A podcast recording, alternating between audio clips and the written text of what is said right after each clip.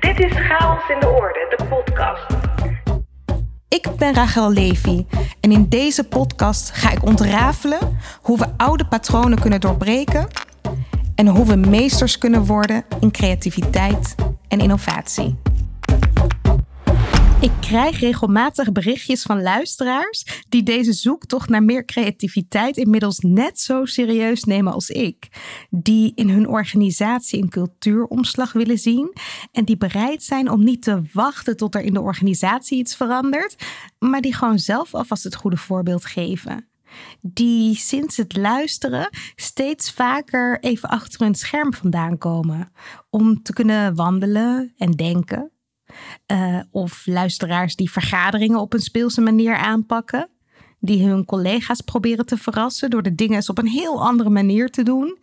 En die zich als gevolg daarvan veel meer zichzelf voelen. Gelukkiger in hun werk. En is geluk uiteindelijk niet wat we allemaal nastreven? Is dit zoeken naar creativiteit en speelsheid uiteindelijk niet gewoon een zoektocht naar meer geluk?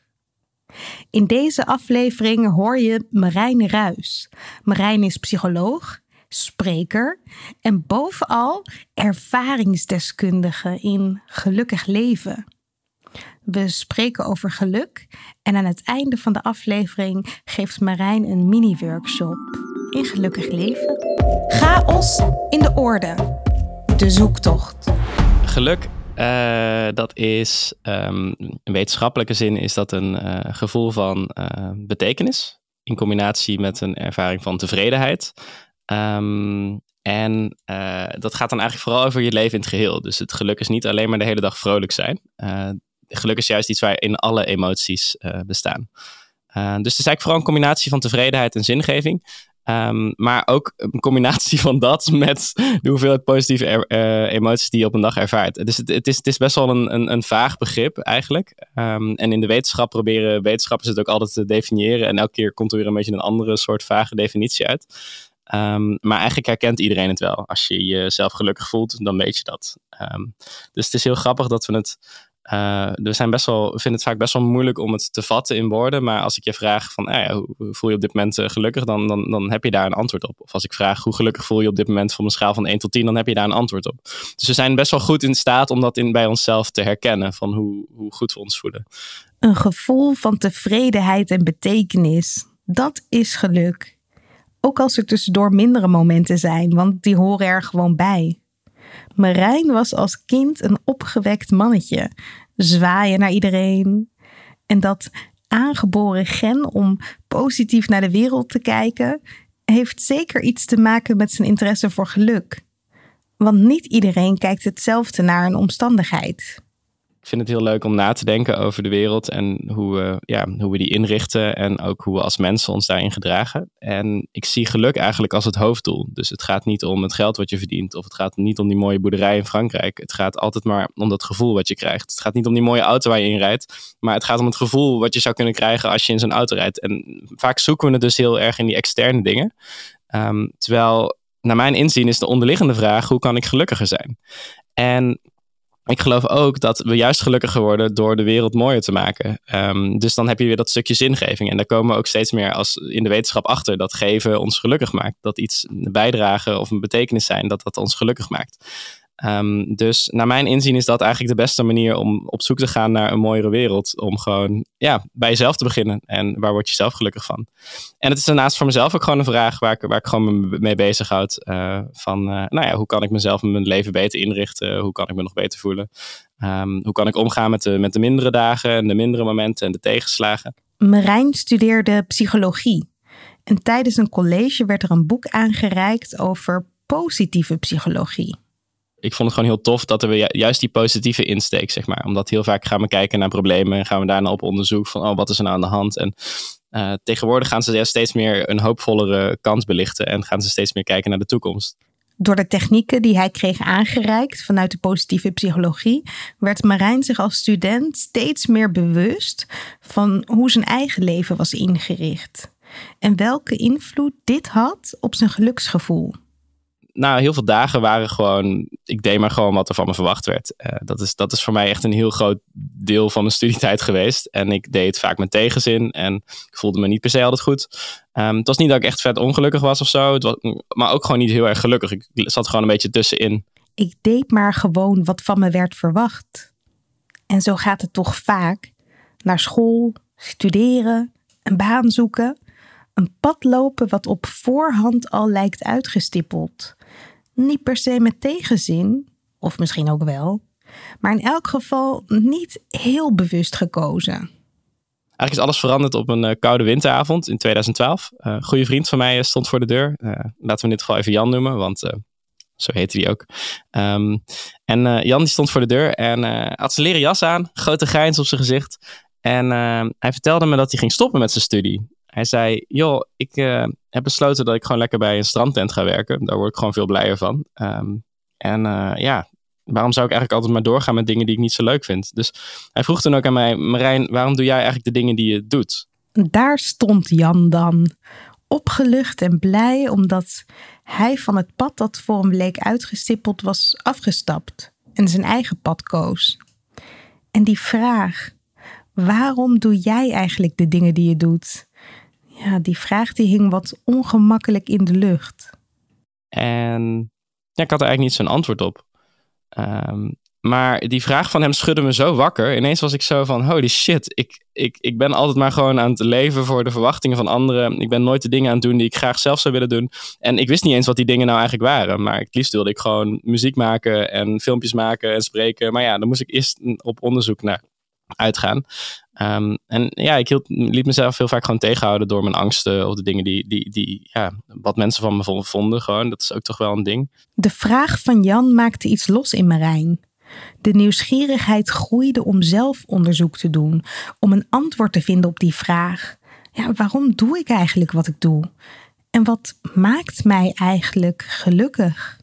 En dat met dat ik een keer een half jaar studievertraging opliep. Waardoor ik eigenlijk, ik hoefde niks meer te doen voor mijn studie. Ik had één vak wat ik nog moest doen met een groep. En dat hadden we eigenlijk al heel snel gedaan. Dus toen heb ik een half jaar gewoon tijd voor mezelf gehad. En toen ben ik in dat tijd gewoon alles gaan lezen wat ik tegenkwam over dit thema. En vanzelf ga je dat dan gewoon toepassen. En uh, merk je dat het verschil maakt. En uh, dat is eigenlijk ondertussen een beetje uit de hand gelopen. dat het nu mijn werk is. Uh. Wow, dat gaat een beetje te snel, Marijn. Je deed wat anderen van je verwachten.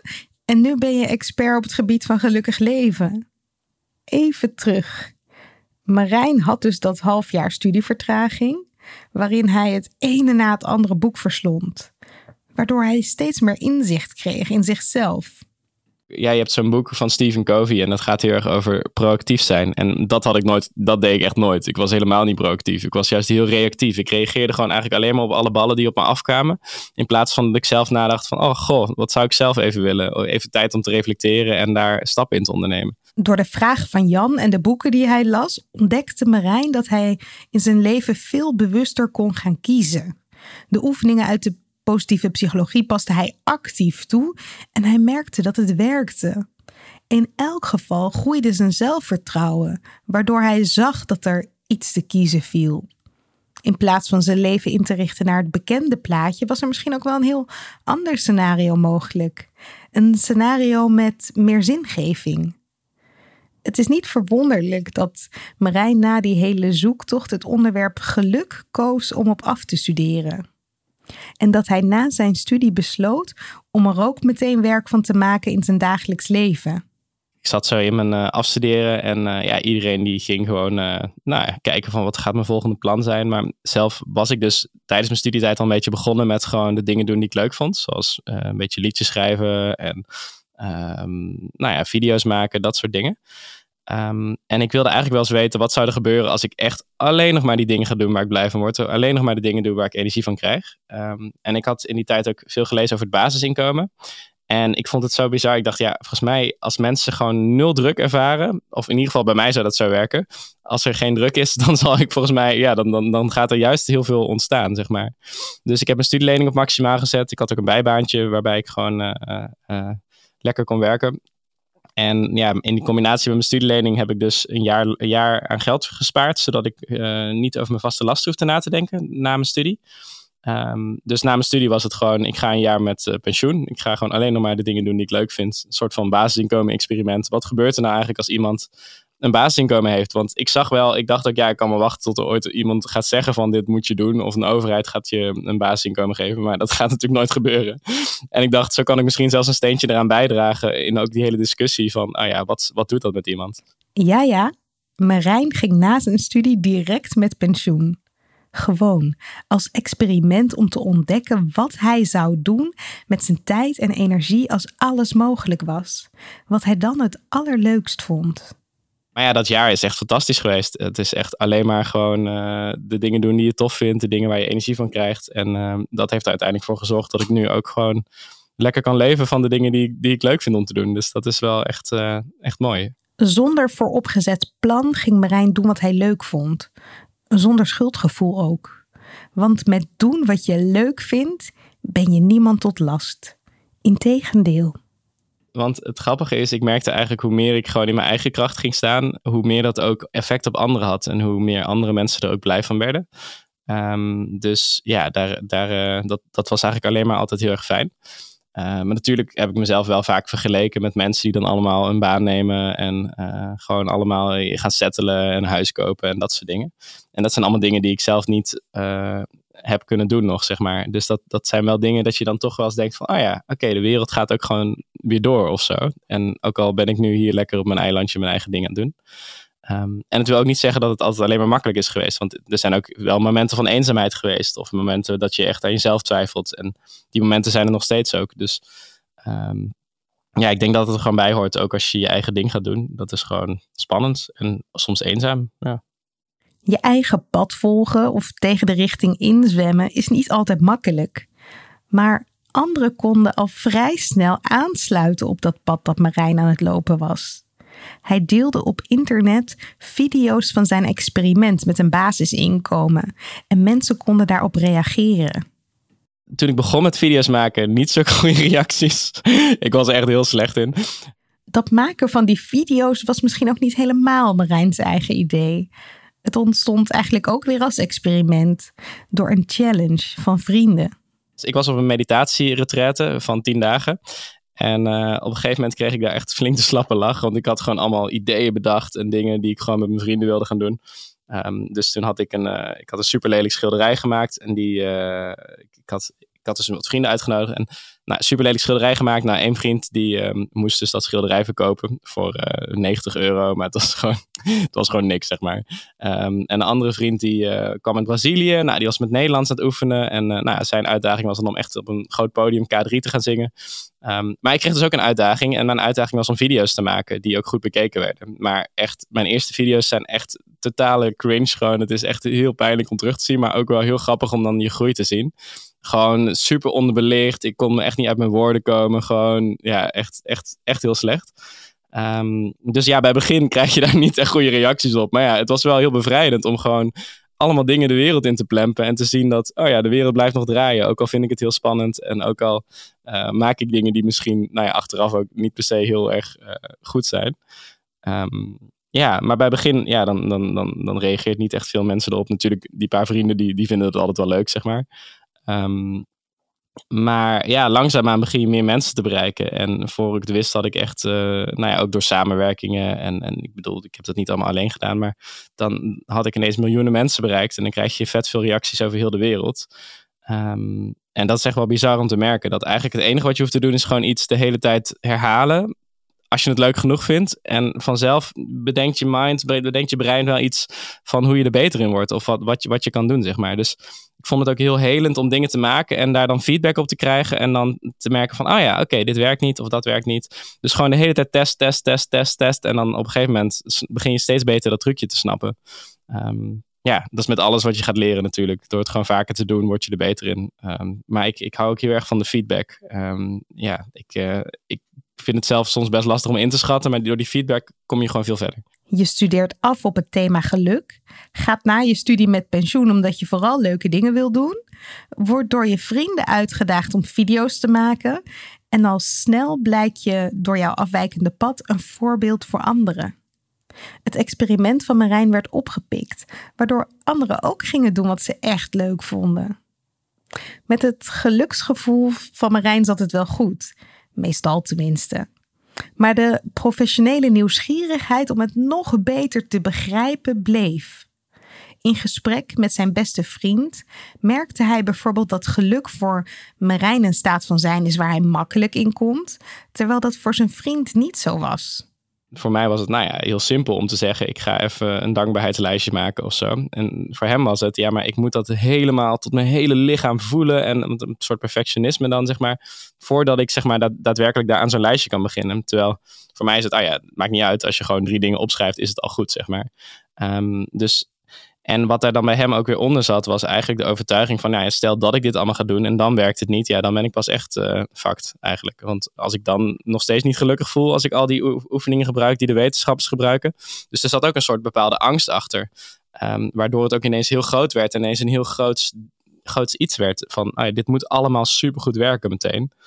Um, en wat daar dan heel erg in geholpen heeft om dat ook elke keer te benoemen. Van, nou, het gaat erom dat je het gewoon doet. En het gaat erom dat het gewoon heel klein is. En, ehm, en, en, en dan merk je gewoon ook het verschil, zeg maar. Een andere oefening is bijvoorbeeld je bed opmaken in de ochtend. Dat doe ik uh, regelmatig. Um, en dat is gewoon al heel fijn om dan gewoon meteen iets bereikt te hebben in je dag. Dus als je meteen even je bed opmaakt, dan heb je meteen een taak bereikt. Um, waardoor je ook makkelijker denkt, oh, ik ga nog iets doen of ik ga nog iets doen.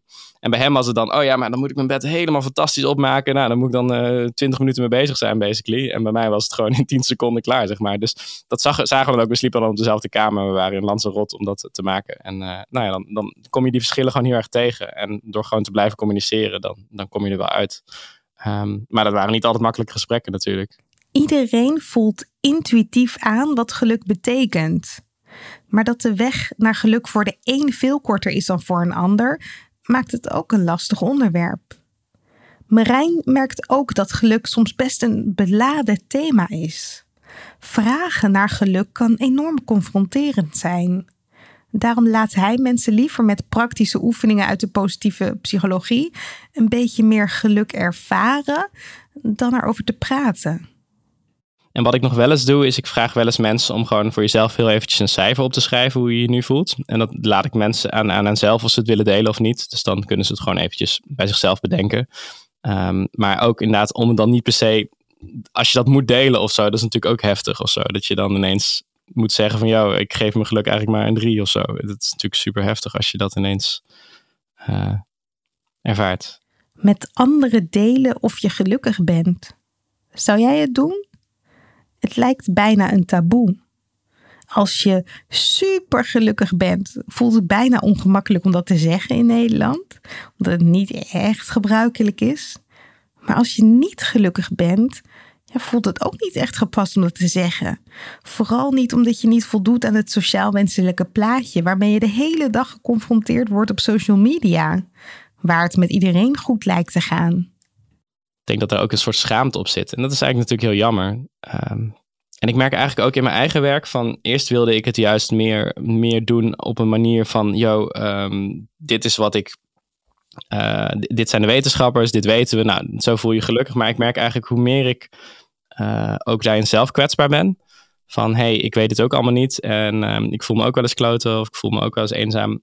Hoe meer dat ook mensen uh, bereikt, zeg maar. Omdat mensen dat natuurlijk allemaal herkennen. En als je dan een, ja, ik denk in de eerste instantie was ik meer gewoon, oh ja, nou, uh, dit, is, dit is alles over geluk en lekker vrolijk zijn, dit en dat. En dan bijna alsof er niet een soort tegenkant in, aan zit.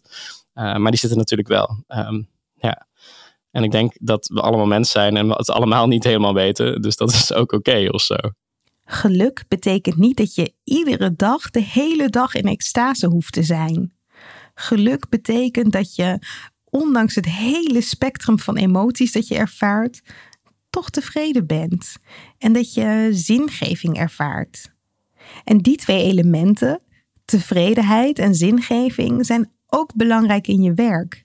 Belangrijker dan je salaris of dat je in een auto van de zaak rijdt.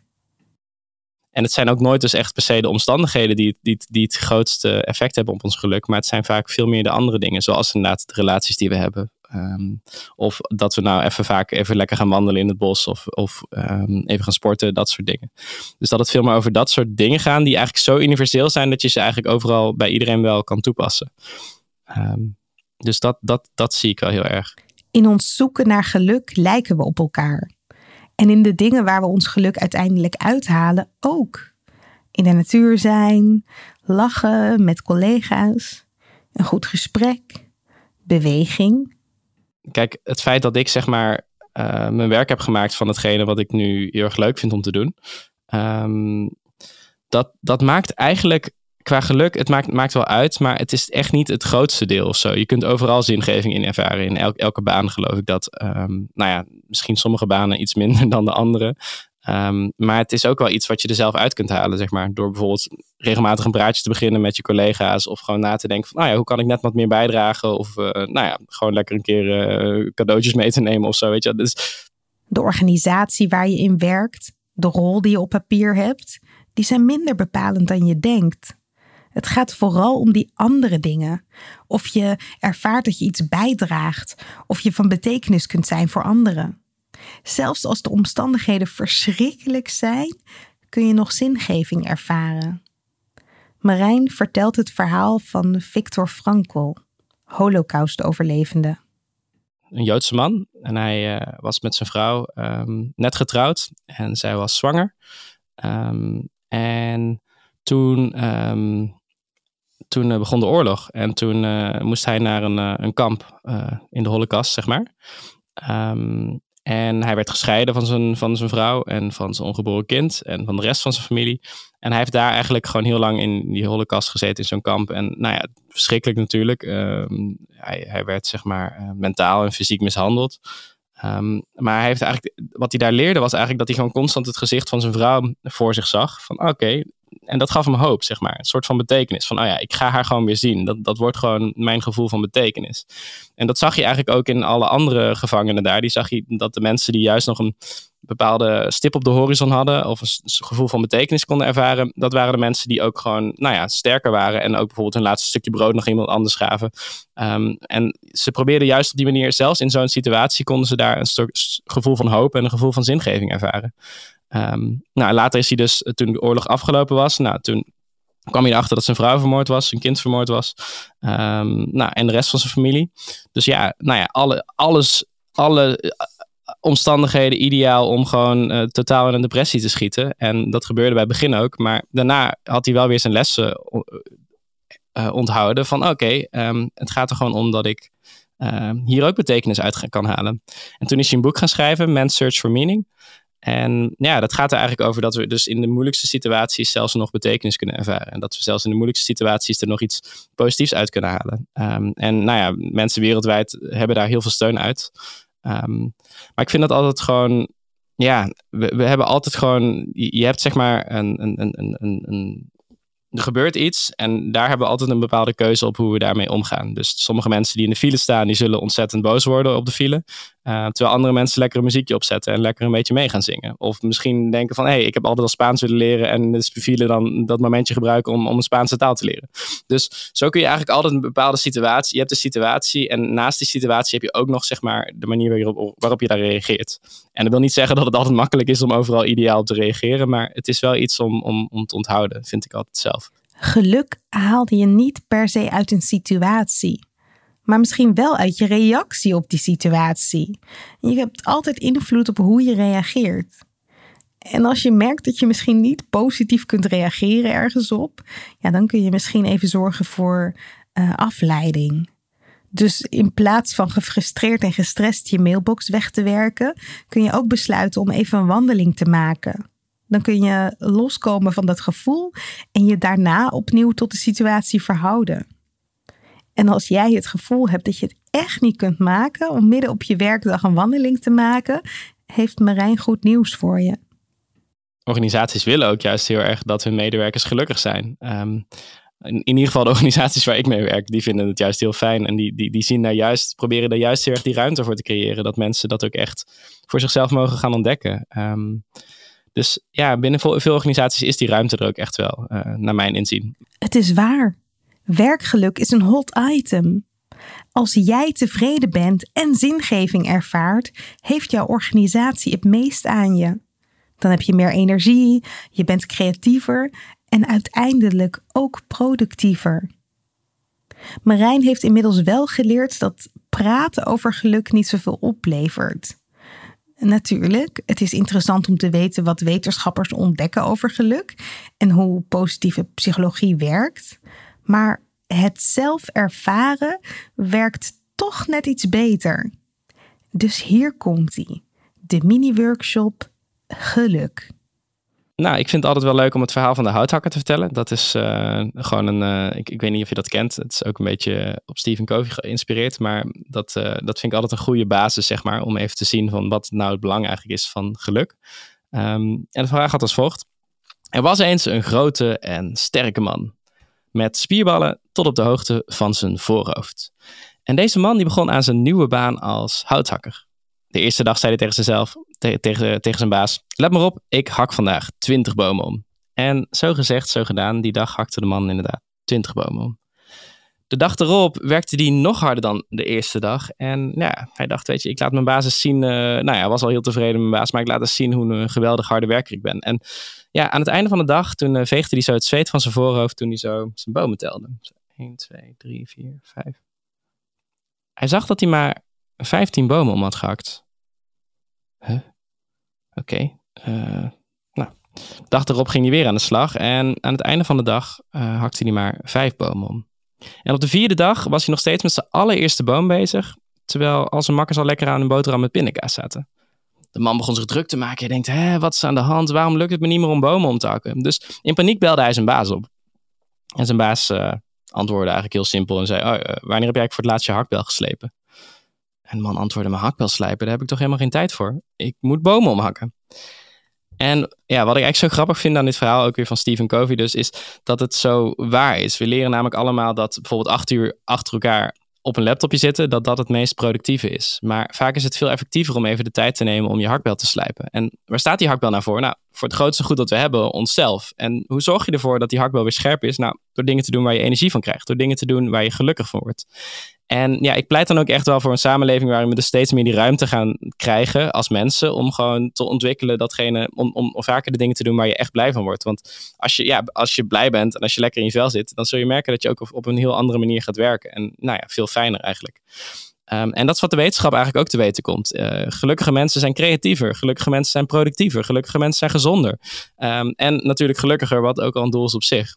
Dus het is een heel fijn iets om regelmatig even de tijd te nemen om je hakbel te slijpen. En we weten vaak wel wat die dingen zijn die onze hakbel slijpen. Nou, voor de ene is het een lekkere wandeling maken. Voor de andere is het even lekker inderdaad je vrienden opbellen of even gaan sporten. Dus nou ja, voor de mensen thuis wil ik je vragen, um, plan voor jezelf nu even een momentje in waarin je lekker je hakbel gaat slijpen. En doe iets, nou ten eerste de vraag dus, wat is datgene wat, waardoor je je weer scherp voelt en weer lekker in je energie zit? En ten tweede, nou, plan het dan ook even meteen in. Doe dit ook echt. Druk nu even op pauze. Open je agenda en plan een blok in waarin jij iets doet waar je nieuwe energie van krijgt. Iets wat jou gelukkig maakt. En heb je even geen idee wat dat zou kunnen zijn? Dan kan de wetenschap je misschien een handje helpen.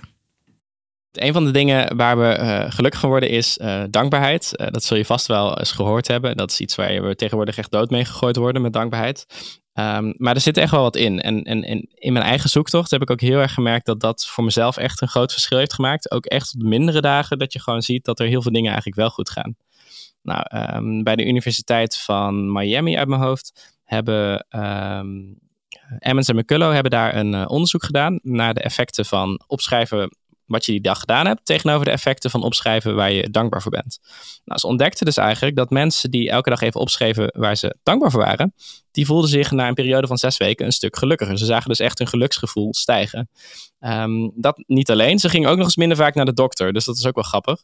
Dus misschien draagt het ook nog eens bij aan onze gezondheid moeilijk te zeggen, maar ja, dat is wel een, een bijeffect wat ze merkten. En dit onderzoek is eigenlijk wereldwijd herhaald. En elke keer weer komt naar voren dat dankbaarheid echt bijdraagt aan ons geluksgevoel. Dus een heel goede oefening is dus om regelmatig eventjes drie dingen op te schrijven waar je dankbaar voor bent. Um, nou, dat heb ik zelf dus ook vaak geprobeerd. Nou, ik merkte dat ik dat niet elke dag deed. Dus probeer, ja, en, en dat is altijd een beetje een soort van balans hè, die je met jezelf moet vinden met een nieuwe gewoonte. Dat je jezelf ook niet schuldig voelt als het niet lukt. Zie het vooral ook als een extraatje elke keer als je erover nadenkt. Um, nou, bij dankbaarheid denken we heel vaak aan de grote dingen, zoals aan ons huis of onze familie of onze partner. Maar probeer ook eens een keer aan de kleinere dingen te denken. Gewoon lekker die wind die, die, die, die langs je haren strijkt, of even het zonnetje waar je even wat langer in kan blijven staan, of het kopje koffie wat je aan het drinken bent.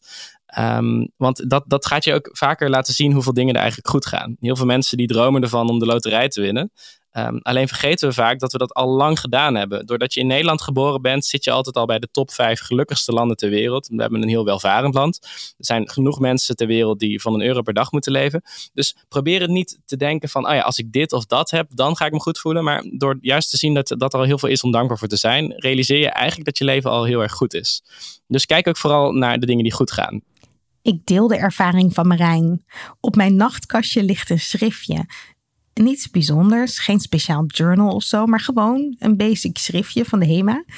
En soms ben ik te moe of vergeet ik het en dat is oké. maar vaak genoeg pak ik het er wel even bij. En dat lijstje van drie dingen, ja, dat lukt eigenlijk altijd wel. Meestal moet ik me eerder inhouden, want ik kan ook wel een hele waslijst schrijven van allemaal dingen waar ik dankbaar voor ben op een dag. Wat het voor mezelf persoonlijk heel erg gedaan heeft, is als ik uh, sommige dagen dan. Um, ja, dan, dan, dan, dan, dan, dan gebeurde er iets vervelends en dan ben je er door uit het veld geslagen. Terwijl er heel veel dingen wel goed gaan. En juist door dankbaarheid te cultiveren, ga je ineens realiseren van, oh, er gaat zoveel wel goed, dat je je ook veel minder gaat focussen op die dingen die dus minder goed gaan. En natuurlijk zijn er altijd dingen die je kunt verbeteren en daar is niks mis mee, maar ja, het, het, het helpt heel erg bij dat gevoel van tevredenheid. Het helpt om jezelf een friendly reminder te geven. Voor mij is dat het schriftje op het nachtkastje. Voor Marijn is dat een wat meer opvallende reminder.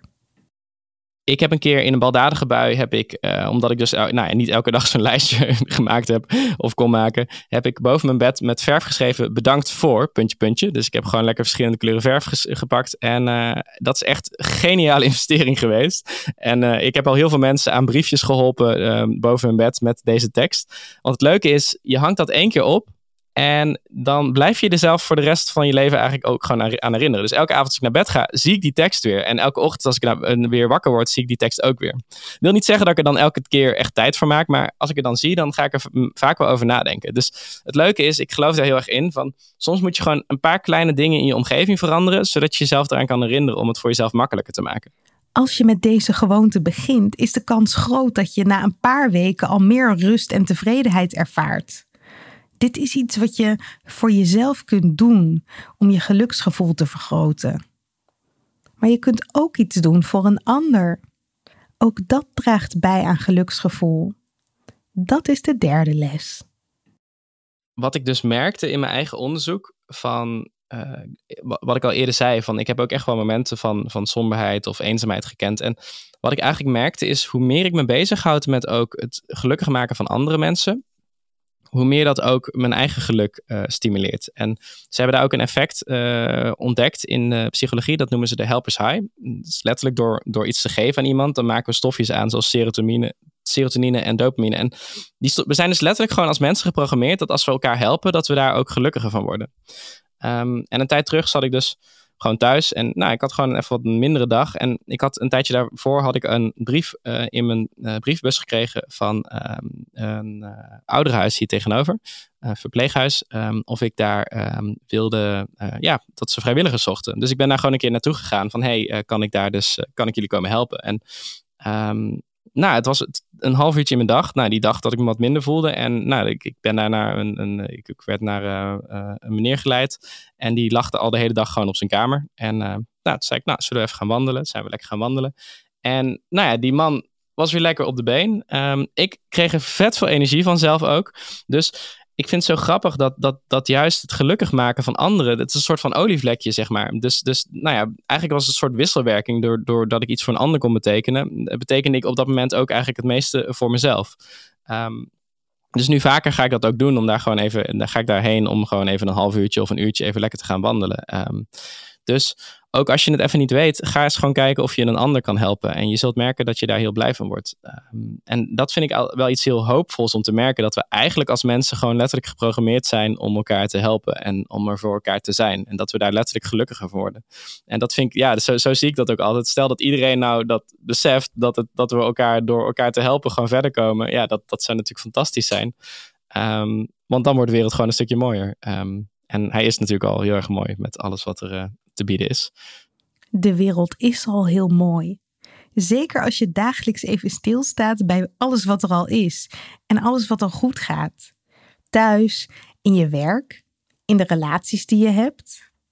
Dus nog even samenvattend. De eerste les in geluk is: gun jezelf tijd om je hakbel te slijpen. Tijd waarin je je kunt opladen, zodat je frisse energie hebt voor de dingen die je doet. De tweede les in geluk is: cultiveer dankbaarheid. Train jezelf om je aandacht te richten op alles wat er al is en wat al goed gaat, in plaats van je te richten op het gemis van wat er nog niet is of wat je nog niet kunt. En de derde les is: doe iets voor een ander. Luister, heb aandacht, denk mee, help met iets praktisch of geef eens iets cadeau. Dikke kans dat je je er zelf beter door gaat voelen gewoon echt vaker gaan wandelen in de natuur. Dat zorgt er gewoon voor dat je minder stress krijgt. Um, nou ja, sommige mensen gaan naar de Efteling, maar eigenlijk is de natuur net zo magisch. Want je wordt er gewoon ook wederom creatiever van. Je ervaart er minder stress van. Uh, je wordt er gewoon meteen gelukkiger van. Dus ja, uh, probeer er ook gewoon vaker heen te gaan, want het is gewoon fantastisch.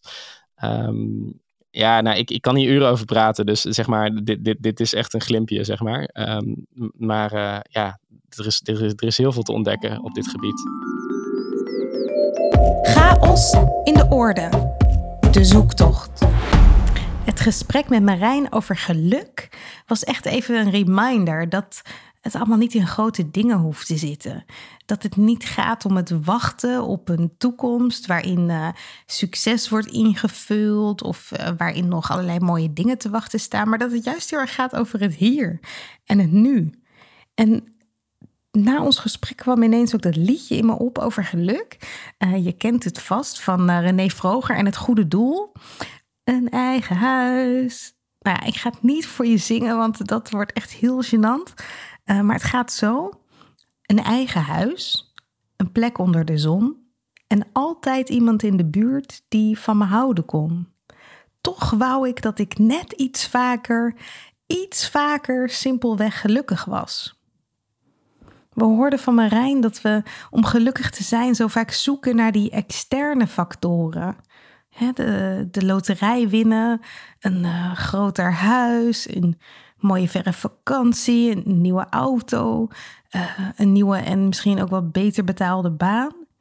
En dat allemaal nog niet hebben, dat kan juist zorgen voor ontevredenheid. Dus we zoeken dan naar geluk in die factoren, maar het, het, zoeken ernaar of het wachten erop, dat zorgt er juist voor dat we dat geluk niet vinden, dat we ontevreden zijn.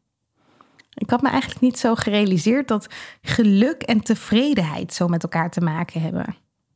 Dat geluk eigenlijk gewoon is om je heen kijken en zien wat er allemaal al goed gaat of goed is. Of, om met René Vroger te spreken, ja, alles, alles kan een mens gelukkig maken. Een zingende merel, de geur van de zee. Ja, alles, alles kan een mens gelukkig maken. De zon die doorbreekt, een vers kopje thee. Zullen we dan maar meteen even dat lijstje maken met die uh, drie dingen waar we dankbaar voor zijn vandaag? En dat hoeft dus niet een perfect lijstje te zijn en het hoeft ook niet over grootse dingen te gaan.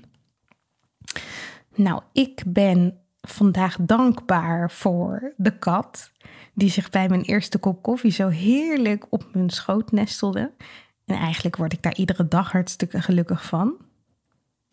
En ik ben mijn collega's dankbaar, omdat het dankzij hen zo ontzettend veel leuker en lichter voelt om samen aan een doel te werken, aan een missie. En ik ben ook heel dankbaar voor jou. Om alle tijd die jij al met mij hebt doorgebracht. Waaronder vandaag weer. Dank je wel. En ik ga je niet vragen hoe gelukkig je bent. Maar ik ga je wel vragen. Als alles een mens gelukkig kan maken, wat is dat voor jou dan vandaag? creativiteit, innovatie. Het lijkt omgeven door een mysterieuze mist. Een geheim voor briljante breinen en getalenteerde kunstenaars. En toch, het moet toch voor iedereen toegankelijk zijn? Aflevering voor aflevering graaf ik steeds een stukje dieper. Ben jij enthousiast? Abonneer je dan op deze podcast en laat een review achter in de app waarmee je luistert. Hoe meer reviews we ontvangen, hoe meer mensen deze podcast kunnen vinden. Zo zorgen we samen voor meer chaos in de orde. Wil jij zelf chaos in de orde brengen? Download dan gratis het e-book Chaos. 10 manieren om patronen te doorbreken. Je vindt het op chaosindeorde.nl/slash podcast. Deze podcast wordt je aangeboden door Huis van Verbeelding, het bedrijf voor zakelijke creativiteit. Tot de volgende keer en veel chaos!